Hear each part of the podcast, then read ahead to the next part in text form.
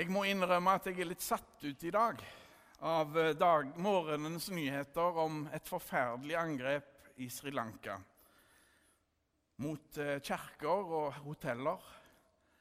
Og dødstallene stiger og er vel på vei opp mot 200 nå, tror jeg. Jeg har sagt det før, og jeg sier igjen til alle tider har kristne vært fritt vilt. Og det gjelder dessverre i vår tid òg. Og så fikk vi jo en sjokknyhet, selvfølgelig av helt andre dimensjoner. Mye mindre dimensjoner enn sånn menneskelig talt. Om brannen i Notre-Dame, katedralen i Paris, som heldigvis ikke førte til noe tap av menneskeliv eller noen skadde. Men eh, det òg har visst rørt ved noe dypt i den europeiske folkesjelen. Og så var det så forunderlig at det skulle skje ved inngangen til påskehøytida. Og så får eh, dagens grufulle nyheter sammen med det som skjedde på mandag, være med på å vise at vår trosarv er ingen selvfølge. Påskejubelen lever uansett og hever seg over alle former for ruiner. Midt iblant oss skinner det et lys som mørket ikke kan overvinne som mørket aldri kan overvinne. Og det er Jesus Kristus, vår korsfestede og oppstandende Herre og Mester. Påskedagens triumf vil aldri minke i styrke. Med sin oppstandelse snudde Jesus det komplette nederlaget til full seier.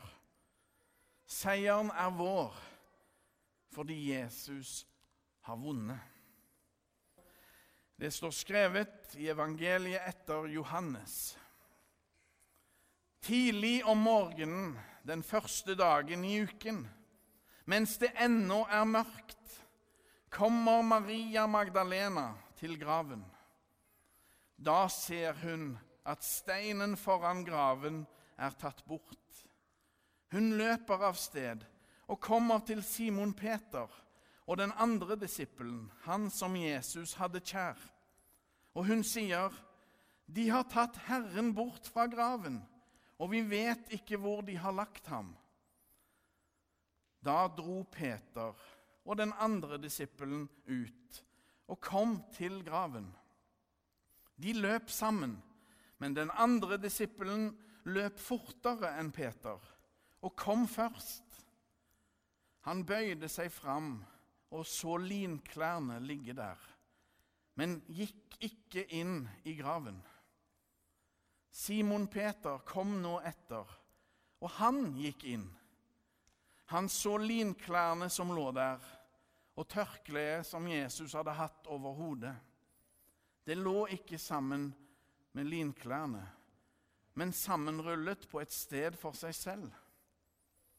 Da gikk den andre disippelen også inn, han som var kommet først til graven. Han så og trodde. Fram til da hadde de ikke forstått det Skriften sier, at han måtte stå opp fra de døde. Disiplene gikk så hjem. Slik lyder det hellige evangelium. Benjamin, dåpsbarnet i dag, han er et lite mirakel. Slik alle barn er det. Han er helt unike, skapt av Gud og i dåpen tatt inn i den universelle kirka. Benjamin er et levende bevis og eksempel på hvor oppmuntrende, nye og dogfriske Guds nåderike kjærlighet faktisk er. Gud lever og lar seg ikke utslette.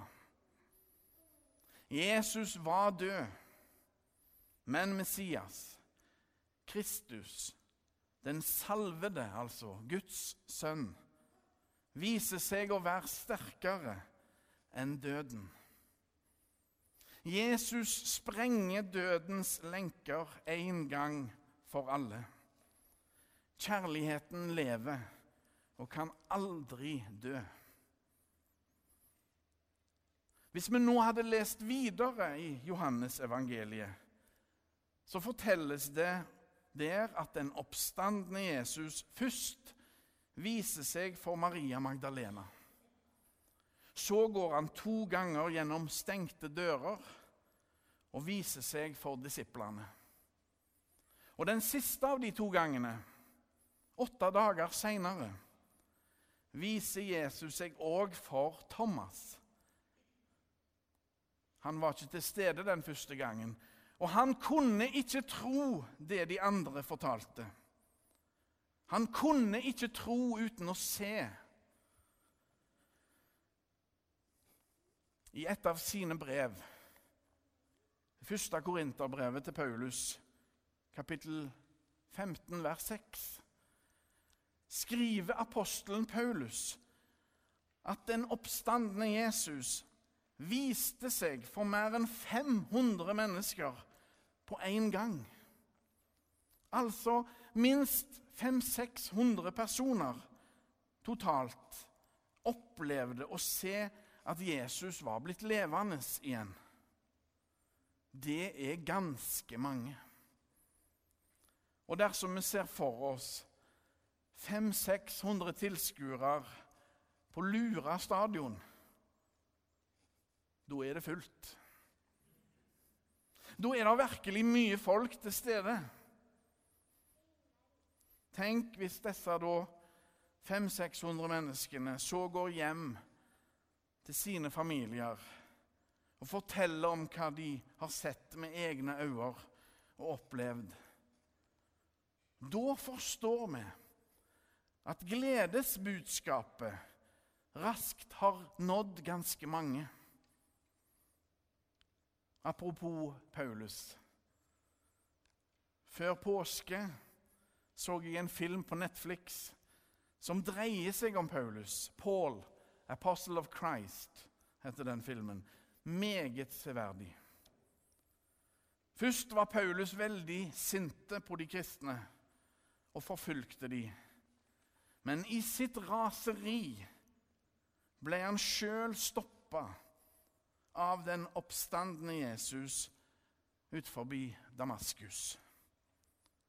Paulus sitt liv ble fullstendig forandra.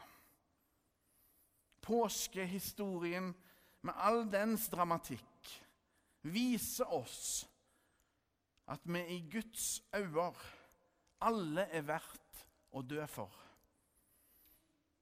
Det var det Jesus gjorde.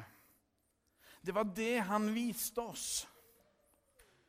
Med fullkommen kjærlighet åpna han himmelen opp for oss alle. Det kalles for nåde. Noen får ufortjent. Og vi er alle fullstendig avhengig av nåden for å leve. Jesu triumf gjelder alle. Absolutt alle. Det er ikke nok med hederlig innsats og god oppførsel.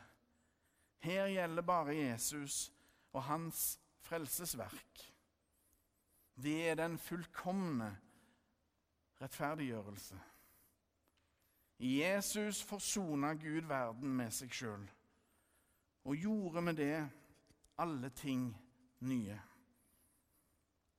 Påskedagens sjokkmelding snur alt på hodet. Alt sammen begynner i Jerusalem og den tomme grava der. Da disiplene hørte hva Maria Magdalena sa, så måtte de jo bare løpe av sted for å sjekke hva dette betydde. Så kommer de løpende til grava. Andpustne ser de at steinen er tatt bort, og etter hvert går de begge inn i grava. De tror at Jesus virkelig er stått opp fra de døde. For plutselig er det som om alt faller på plass. All sorg og fortvilelse blir erstatta med jublende glede over at Jesus lever. Han er oppstanden. Og denne jublende gleden har ennå ikke lagt seg i kirka. Nye generasjoner av troende blir lagt til, sjøl om de ikke ser med egne øyne at Jesus er oppstanden. Men troens øye ser det. Troens øye ser det, som vi skal synge i salmen til slutt i dag. Troens øye, det er godt sagt. Kjærlighetens kraft er sterkere enn alt annet. Til og med sykdom, smerte og ondskap. Til og med døden. Det er det hele bibelboka dreier seg om. Mellom linjene er hovedbudskapet i Bibelen kjærlighet. Det er som om du kan legge øra inntil bibelboka og så høre at den hvisker kjærlighet. Gud er kjærlighet. Det er som om Gud sier til hver og en av oss Du er min. Jeg har kjøpt deg fri. Det er det lille Benjamin i dag har fått oppleve i form av dåpens vann her i kirka. Det er dette som gjelder oss alle. Vi har en Herre som er sterkere enn noe annet. Han er her. I nattverdmåltidet får vi næring til vår tro. Jubelen fra påskemorgen i Jerusalem har aldri lagt seg. For den kan ikke forsvinne. Den er like aktuelle og levende. Jesus' seier er vår seier. Jesus lever, og vi skal leve. Ære være Faderen og Sønnen og Den hellige ånd, som var, er og blir en sann Gud fra evighet og til evighet.